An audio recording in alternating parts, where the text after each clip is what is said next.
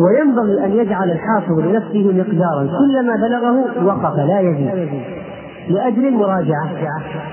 يستريح ثم يواصل الحفظ ولا يأخذ الطالب نفسه بما لا يطيق بل يقتصر على اليسير الذي يضبطه ويحكم حفظه ويتقنه قال سفيان كنت آتي الأعمش فأسمع ومنصور فأسمع أربعة أحاديث خمسة ثم أنصرف كراهة أن تكثر وتكلف وعن شعبة قال كنت آتي قتادة فأسأله عن حديثين فيحدثني ثم يقول أزيدك؟ فأقول لا حتى أحفظهما وأتقنهما. وقال بعضهم من طلب العلم جملة فاته جملة. قال بعضهم إنما كنا نطلب حديثا أو حديثين. وعن الزهري قال إن هذا العلم هذه تجارب حفاظ هذه تجارب حفاظ. إن هذا العلم إن أخذته بالمكابرة عثر عليه ولكن خذه مع الأيام والليالي. أخذا رفيقا تظهر به. فمن الأمور المهمة في الحفظ التدرج والاقتصاد وتقليل المحفوظ مع المداومة على الحفظ أصل عظيم. ولا تشرع في شيء جديد حتى تحكم ما قبله. ومن لم يجد نشاطا في الحفظ بعد مدة من الحفظ فليتركه فإن مكابرة النفس لا تصلح. وقال ابن الجوزي اعلم أن المتعلم يفتقر إلى دوام الدراسة ومن الغلط الانهماك في الإعادة ليلا ونهارا فإنه لا يلبث صاحب هذه الحال إلا أياما ثم يفتر ويمرض. فمن الغلط تحميل القلب حفظ فمن الغلط تحميل القلب حفظ كثير أو الحفظ من فنون شتى فإن القلب جارحة من الجوارح. فمن الناس من يحمل مئة رطل ومنهم من يعجز عن عشرين رطلا فكذلك القلوب فكذلك القلوب فكذلك القلوب أوعية هذه الذاكرة هذه القلوب أوعية بعضها يستوعب كثير بعضها يستوعب قليل. فليأخذ الإنسان على قدر قوته فإنه إذا استنفذ القوة في وقت ضاعت منه أوقات والصواب أن يأخذ قدر ما يطيق ويعيده في وقتين من النهار والليل. يأخذ مثلا قال أنا أستطيع أحفظ خمس آيات. نقول طيب أحفظ خمس آيات أعدها مرتين. بالليل والنهار. تحفظها الآن ثم أعدها بالليل ثم أعدها بالنهار.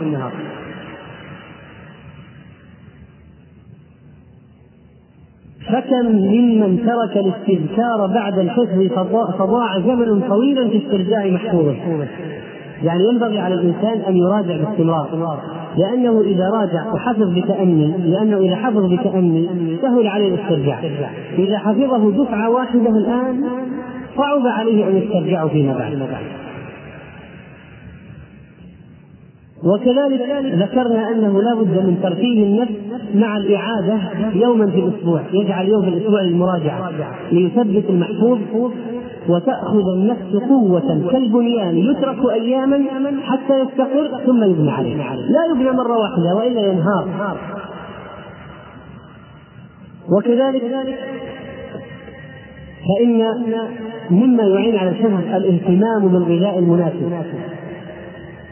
فإن التخمة من أسباب من الأسباب المانعة من الحفظ. ولذلك كانوا يقللون الطعام. هذا شيء. لأن كثرة الطعام تدخل النفس وتجعل القلب مشغولا مثقلا فلا تتمكن النفس من الحفظ.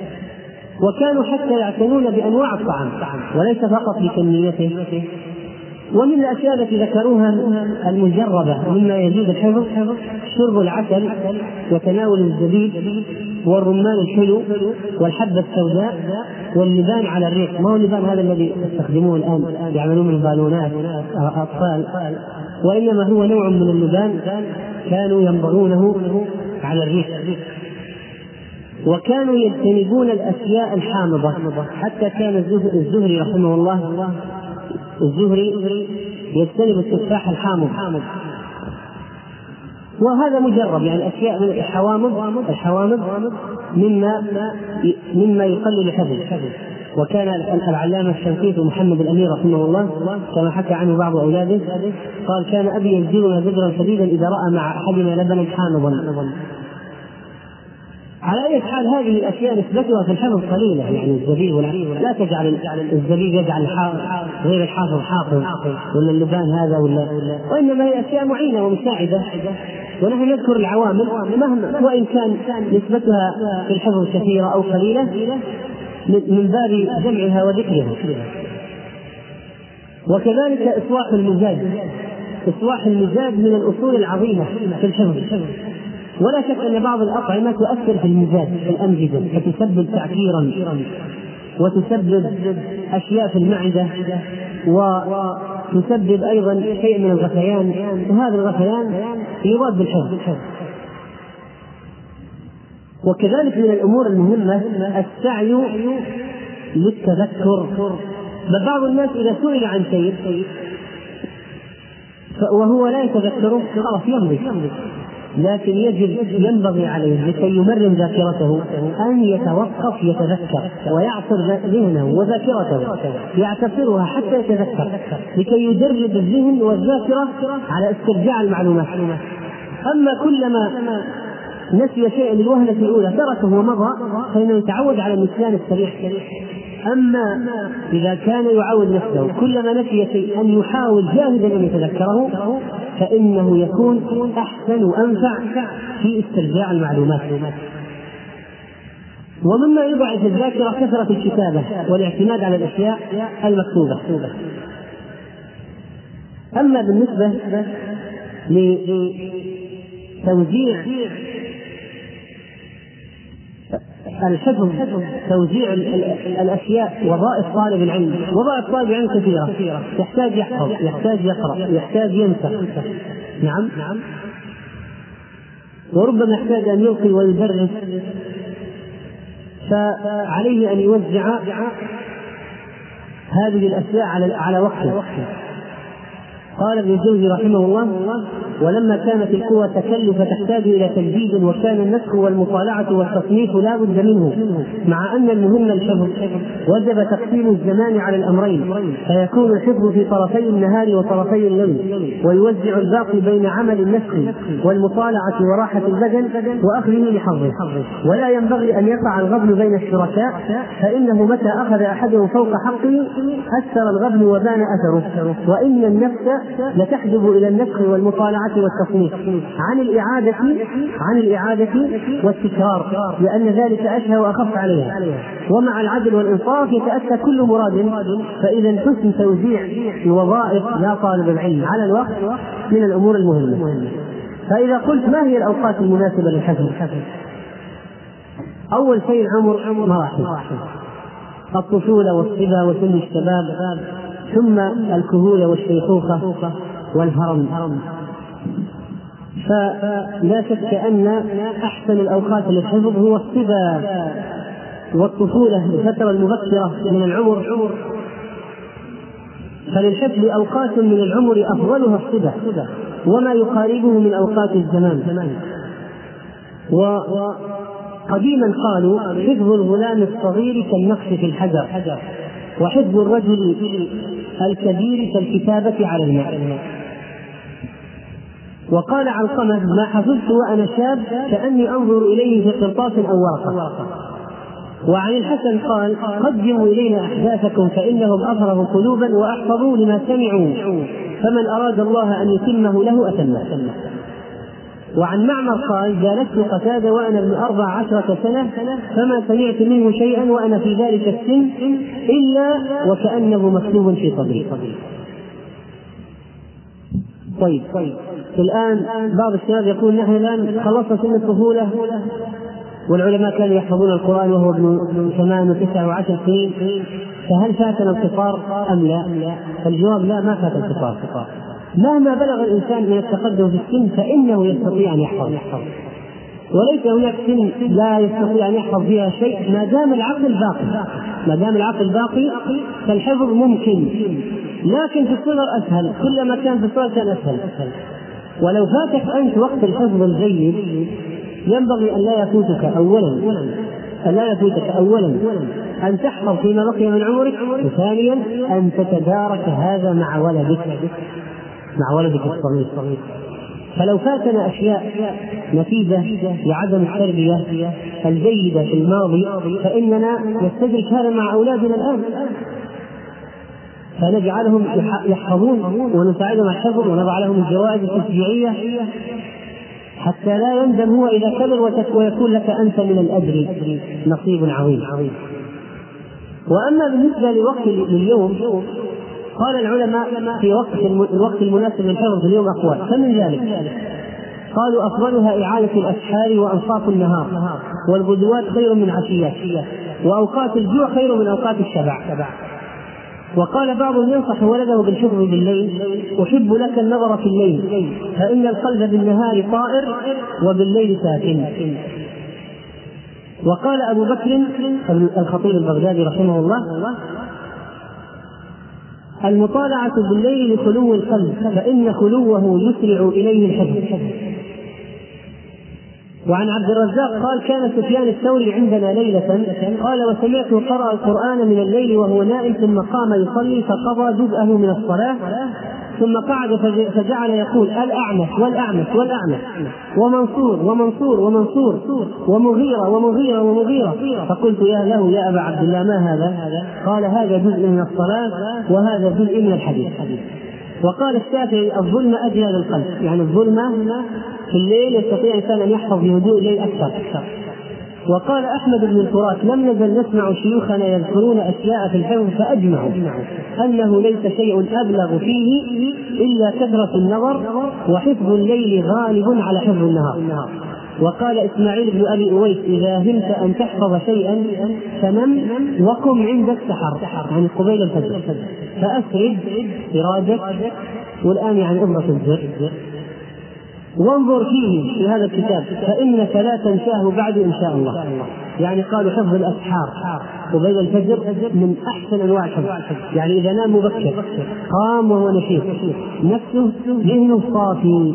يعني ما ما قبل ما قبل اليقظة شيء إلا إلا الراحة. ما هو مشغول بأشياء كثيرة وسمع أشياء كثيرة قام من النوم ذهنه صافي قبيل الفجر وقد نام مبكرا فهذا يكون من أفضل أوقات الحفظ على الإطلاق.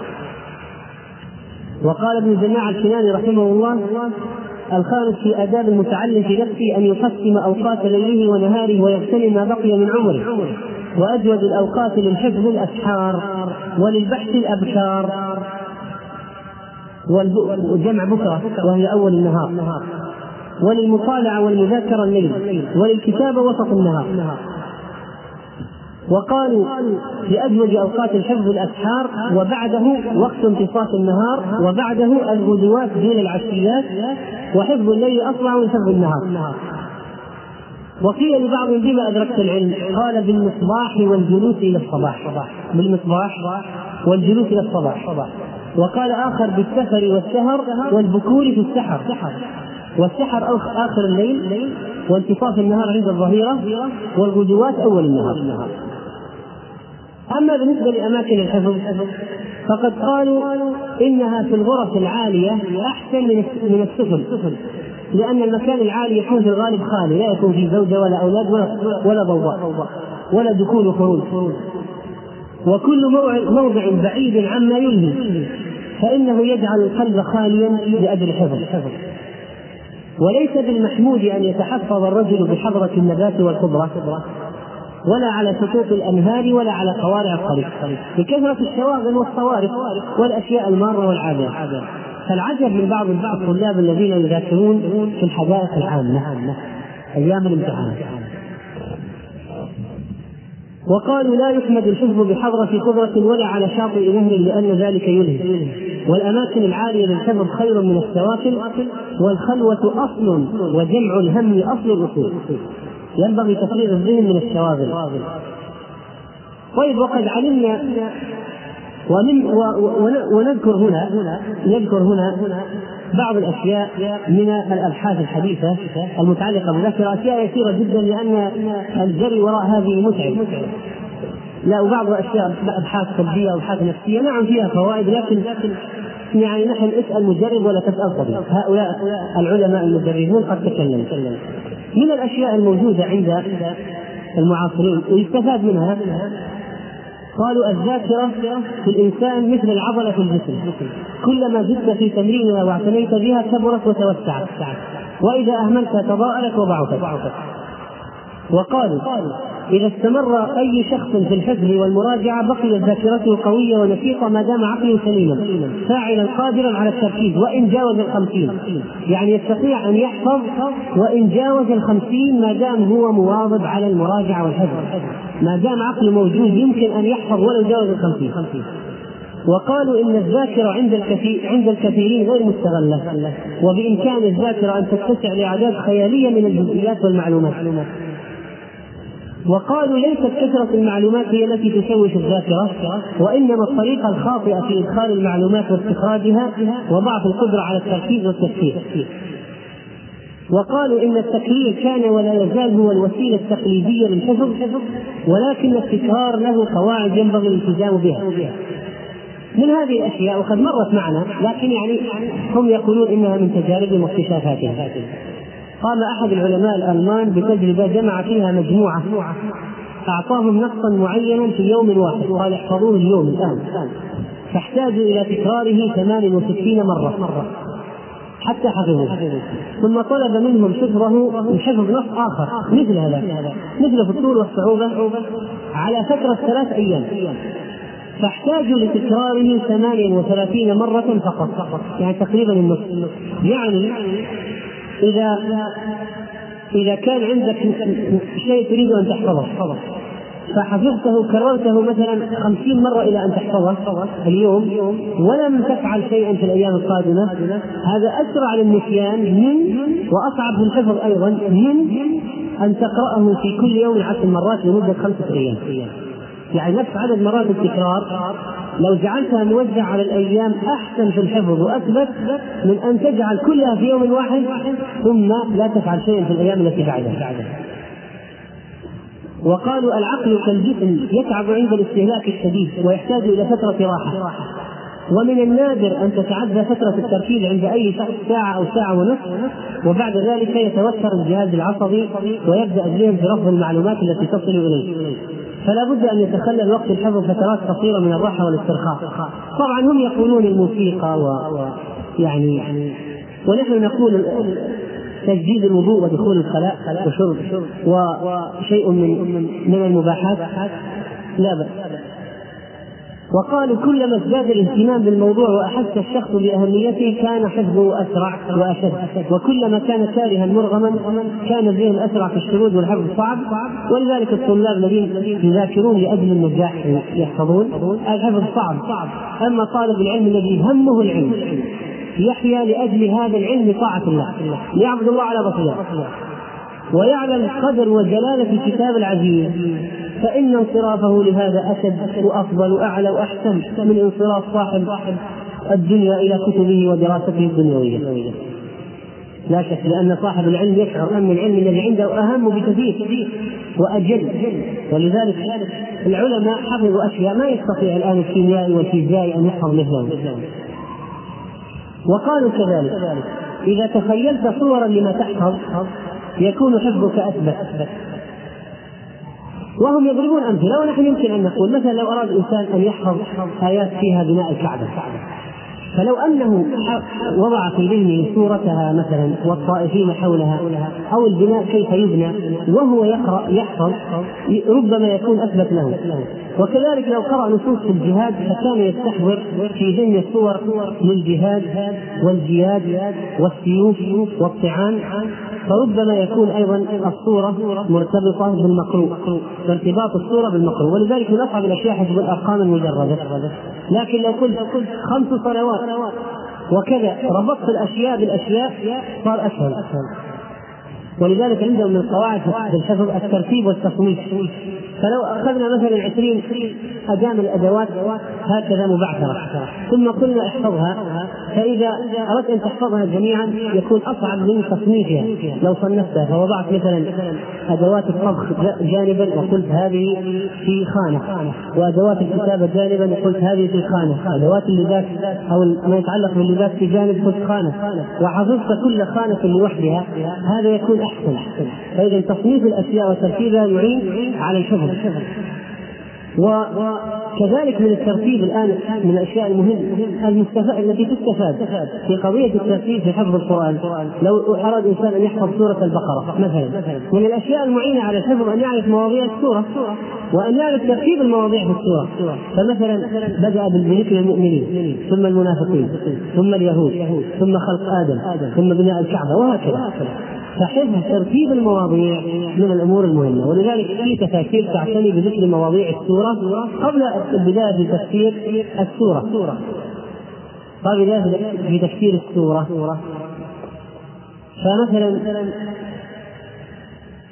من التفاسير أو من الكتب من كتب علوم القرآن في هذا كتاب البقاعي رحمه الله. وكذلك كتاب الفيروزبادي كتابان فيهما ذكر مواضيع كل سورة. مواضيع كل سورة. بصائر ذوي التمييز للفيروزبادي وكذلك من تفاسير من من كتب الحديث التي تعتني بهذا كتاب الأستاذ سيد قطب رحمه الله يبين في مقدمة كل سورة ماذا تتناول السورة من المواضيع. وينبغي أن ننتبه إلى أن النظريات الحديثة تقول تزهد في الحفظ وتركز على الفهم وتقول المهم الفهم وليس وربما يزهدون في الحفظ فلا تستمع لهم لأننا نعرف أن الأمر مكون من حفظ وفهم وهذه طريقة علمائنا رحمهم الله تعالى. حفظ وفهم. فإذا قالوا لك لا داعي لإشغال الصغار والأولاد بحفظ هذه المقطوعات الطويلة وهذا مضر تربويا. فاعلم أنهم هم المأفون عقولهم الذين عاقبة أمر إلى الزوال وشأنه في قتال وهذه وهذه أفكار ضلال. ولكن لا بد من هذه الطريقة التي تركها العلماء وجربوها وصاروا علماء. ولذلك دعك من هذه النظريات الحديثة التي تقول إن حشو أذهان الأطفال بالمعلومات مضر والمهم من الولد يفهم. لا. كانوا يحصلونه بالمتون ولو فهمها بعد ذلك. يستعين بحفظه. ثم نأتي إلى نقطة مهمة وهي قضية الأولويات في الحفظ. ينبغي للطالب أن يبدا بحفظ كتاب الله عز وجل لأنه أجل العلوم وأولاها بالسبق والتقديم. وهذه طريقة الصحابة كانوا يحفظون الكتاب العزيز. وكذلك من بعدهم أول شيء القرآن الكريم هذه معروفة. عن الوليد بن مسلم قال كنا إذا جلسنا الاوزاعي فراى فينا حدثا قال يا غلام قرأت القرآن فإن قال نعم قال اقرأ يوصيكم الله في أولادكم. وإن قال لا قال اذهب تعلم القرآن قبل أن تطلب العلم. وكان يحيى بن اليمان إذا جاءه غلام استقرأه رأس سبعين من الأعراف ورأس سبعين من يوسف وأول الحديث. فإن قرأه يعني حفظا حدثه وإلا لم يحدثه. وقال أهل العلم وإن أقواما يصرفون الزمان إلى حفظ ما غيره أولى منه وإن كان كل العلوم حسنا ولكن الأولى تقديم الأهم والأفضل وأفضل ما تشوغل به حفظ القرآن الكريم. واتقوا الله ويعلمكم الله. فإذا رزقه الله تعالى حفظ كتابه فليحذر أن يشتغل عنه بالحديث أو غيره من العلوم اشتغالا يؤدي إلى نسيانه ثم الذي يتلو القرآن من العلوم أحاديث رسول الله صلى الله عليه وسلم وسننه. فيجب على الناس طلبها إذ كانت أسس الشريعة وقاعدتها. قال الله تعالى ما آتاكم الرسول فخذوه وما نهاكم عنه فانتهوا. وكذلك ينبغي انتقاء الأشياء. فإذا أراد أن يحفظ من السنة ينتقي احاديث الصحاح الزياد وأحاديث الأحكام مثلا من الأحاديث الصحاح الجياد. قال أبو حاتم الرازي قال سمعت أبي يقول اكتب أحسن ما تسمع واحفظ أحسن ما تكتب وذاكر بأحسن ما تحفظ. ويبتدئ سماع الأمهات من كتب أهل الأثر والأصول الجامعة. قال أبو عبيد القاسم بن سلام رحمه الله عجبت لمن ترك الأصول وطلب الفصول. وبعض الطلاب الآن يريد أن يدخل في التفاصيل قبل ما يحفظ يعني قصيدة وجيزة في مصطلح الحديث يبدأ بحفظ تقريب التهذيب وأسماء الرجال ومراتبهم هذا خلل. ولا شك أن أصح كتب الحديث الصحيحين وبعدهما سنن أبي داود والنسائي. وكذلك الترمذي وغيره من أهل العلم رحمه الله. وينبغي على طالب العلم أن يحفظ من موقوفات الصحابة وأقوال الصحابة لأنها في لزوم العمل بها وتقديمها على القياس ملحقة بالسنن والموقوفات على التابعين يعلم أقوال أهل العلم ولا يشد عنهم. ويحفظ من أقوال المفسرين ما يلزم في معرفة معاني الآيات. ويحفظ من مغازي وسير النبي عليه الصلاة والسلام السيرة. ويحفظ كذلك بعد ذلك الأشياء ومنها الشعر والحكم والأمثال. هذا هذه طريقة العلماء. لكن نحن الآن إذا قلنا أن الغالب عدم التفرغ فماذا يفعل الإنسان؟ لو قلنا له اذهب واحفظ القرآن ثم تعال. ما تسمع منا ولا مسألة فقهية حتى تحفظ القرآن. الآن هذا لا يناسب. فينبغي على الطالب في هذا الزمان أن يحفظ من كتاب يقدم في الحفظ ويحفظ أحاديث ويحفظ فتاوى العلماء لكي ينقلها إلى الناس يستفيد منها هو. فنقول صحيح أن هذا الزمان تضاءلت الهمم قلت الأوقات وكثرت الشواغل والصوارف. وصحيح أن برنامجا مثل هذا البرنامج الذي يذكره بعض العلماء في حفظ الأشياء لا يكون متيسرا لكن نحن نسدد ونقارب ولا نقول للشخص هذه هي الصورة المثالية لابد أن تفعل وهو نحن نعلم أنه لا يستطيع أن يفعل. وأنه يحتاج لحفظ القرآن ربما إلى 15 سنة. ما نعلمه مسألة فقهية واحدة في خلال هذه السنوات هذا غير صحيح. وناتي في ختام المطاف إلى ذكر شيء من من من أخبار الحفظة الحفاظ الذين أنعم الله بهم على هذه الأمة. وثقوا أيها الإخوة أننا في غاية نشعر بالعز والفخار من من معرفة سيرهم وأننا نقارع بهم الأمم. ما يوجد أمة عندها حفاظ مثل الأمة الإسلامية مطلقا.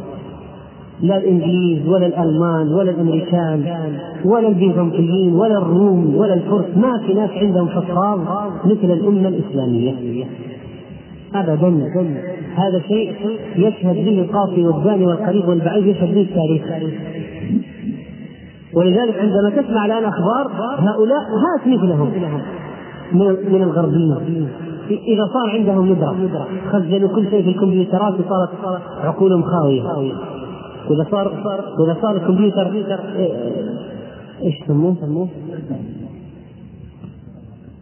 يعني توقف ما عاد استفاد منه لا منه ولا من جهازه ولذلك نقول يعني صحيح نحن نستفيد من وسائل حفظ المعلومات لكن إلغاء الحفظ هذا شيء مضر جدا من اسوء الأشياء إلغاء الحفظ. بالزعم إن هناك طرق تخزين حديثه وماذا ينفعك الكمبيوتر وأنت بين الصفا والمروة؟ تريد أن تستذكر شيئا فوق الصفا من الأذكار والأدعية؟ أو أنت أو إذا قام الإمام إلى الركعة الخامسة وتريد أن تستذكر الحكم فيها وأين جهازك في الصلاة؟ فإذا يعني نرجع ونعيد ونقول اولا وأخيرا الحفظ والحفظ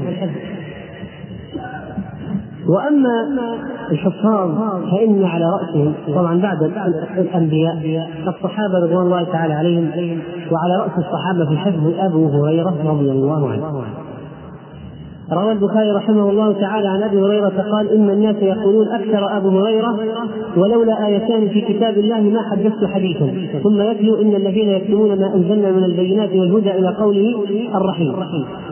إن إخواننا من المهاجرين كان يشغلهم الصفق بالأسواق وإن إخواننا من الأنصار كان يشغلهم العمل في أموالهم يعني المزارع. وإن أبا هريرة كان يلزم رسول الله صلى الله عليه وسلم بشبع بطنه. ويحضر ما لا يحضرون ويحفظ ما لا يحفظون. هذا التفرغ وجمع العقل والهم الهم هو الحفظ. وقال أبو هريرة إنكم تقولون إن أبا هريرة يكثر الحديث عن رسول الله صلى الله عليه وسلم. وتقولون ما بال المهاجرين والأنصار لا يحدثون عن رسول الله صلى الله عليه وسلم بمثل حديث أبي هريرة. وإن إخوتي من المهاجرين كان يشغلهم الصفق بالأسواق وكنت ألزم رسول الله صلى الله عليه وسلم على ملء بطني. ما آخذ إلا فقط ما يكفيني من الطعام فأشهد إذا غابوا وأحفظ إذا نسوا وكان يشغل إخوة من الأنصار عمل أموالهم وكنت امرأ مسكينا من مساكين الصفة أعي حين ينسون. وقد قال رسول الله صلى الله عليه وسلم في حديث يحدثه إنه لم يبسط أحد ثوبه حتى أقبل مقالتي هذه ثم يجمع إليه ثوبه إلا وعى ما أقول فبسطت نمرة علي حتى إذا قضى رسول الله صلى الله عليه وسلم مقالته جمعتها إلى صدري فما نسيت من مقالة رسول الله صلى الله عليه وسلم تلك من شيء. هذا أبو هريرة رضي الله عنه ومع ذلك ما حدث بكل ما حفظ وهو أكثر الصحابة رواية على الإخلاص فإنه الذي قال يعني فإنه الذي قال حفظت عن رسول الله صلى الله عليه وسلم وعائشة أن أحدهما حبسته وأما الآخر فلو بسته لقطع هذا البلعوم. ولعل من ذلك مثلا حديث اللهم إني حديث التعو حديث إن من اشراط الساعة إمارة الصبيان ولذلك كان أبو هريرة يقول اللهم إني أعوذ بك من رأس الستين وإمارة الصبيان ولذلك لما تولى الصبي في عام 60 الهجرة من الأمويين الله عز وجل قبض ابا هريرة قبلها بسنة مات سنة 59 للهجرة. على قول. ومن الحفاظ الأجلاء من أعظم الحفاظ على الإطلاق ومن أعظم من أنجبتهم هذه الأمة في الحفظ على الإطلاق الإمام البخاري رحمه الله تعالى بلا منازع. وهو مسخرة في جبين هذه الأمة وغرة ودرة رحمه الله تعالى. كان أبو عبد الله البخاري يختلف معنا إلى مشايخ هذا كلام حاتم بن إسماعيل. إلى مشايخ البصرة وهو غلام. فلا يكتب. يأتي للحلقة ولا يكتب شيء. حتى أتى على ذلك أيام فكنا نقول له إنك تختلف معنا ولا تكتب. فما تصنع؟ فقال لنا يوما بعد ستة عشر يوما إنكما قد أكثرتما علي وألححتما فأعرضا علي ما كتبتما. فأخرجنا إليه ما كان عندنا. فزاد على خمسة عشر ألف حديث. فقرأها كلها عن ظهر قلب حتى جعلنا نحكم كتبنا على حفظه. نصحح كراريسنا على حفظ البخاري. خمسة أربعين يوم جلس مع الشيخ. هم يكتبون وهو لا يكتب إلا أن قالوا له يعني أنت تلهو تلعب تحفظ تكتب مثلنا ولا تمشي. قال اسمعوا. فترد علينا خمسة عشر ألف حديث من حفظه قالوا فصرنا نصحح كراريسنا على حفظه ثم قال أترون أني أختلف هدرا وأضيع أيامي؟ فعرفنا أنه لا يتقدمه أحد. وقدم البخاري بغداد فسمع به أصحاب الحديث فاجتمعوا وعمدوا إلى مئة حديث فقلبوا متونها وأسانيدها ركبوا متن هذا على سند هذا متن هذا على سند عملوا لخبطة ودفعوا إلى كل حديث ودفعوا إلى كل إنسان منهم حديث إلى كل واحد حديث وكانوا عشرة أشخاص كم صار المجموع؟ كم صار المجموع؟ مئة حديث صار المجموع 100 حديث. ثم جلس البخاري رحمه الله في المجلس وقد جاء الناس وأهل العلم جلس. يأتي واحد يقول يا إمام يا أبا عبد الله مثالك عن احاديث السلف يعطيه الأول المغلوط يقول البخاري لا أعرفه. الثاني يقول البخاري لا أعرفه الثالث العاشر يقول البخاري لا أعرفه.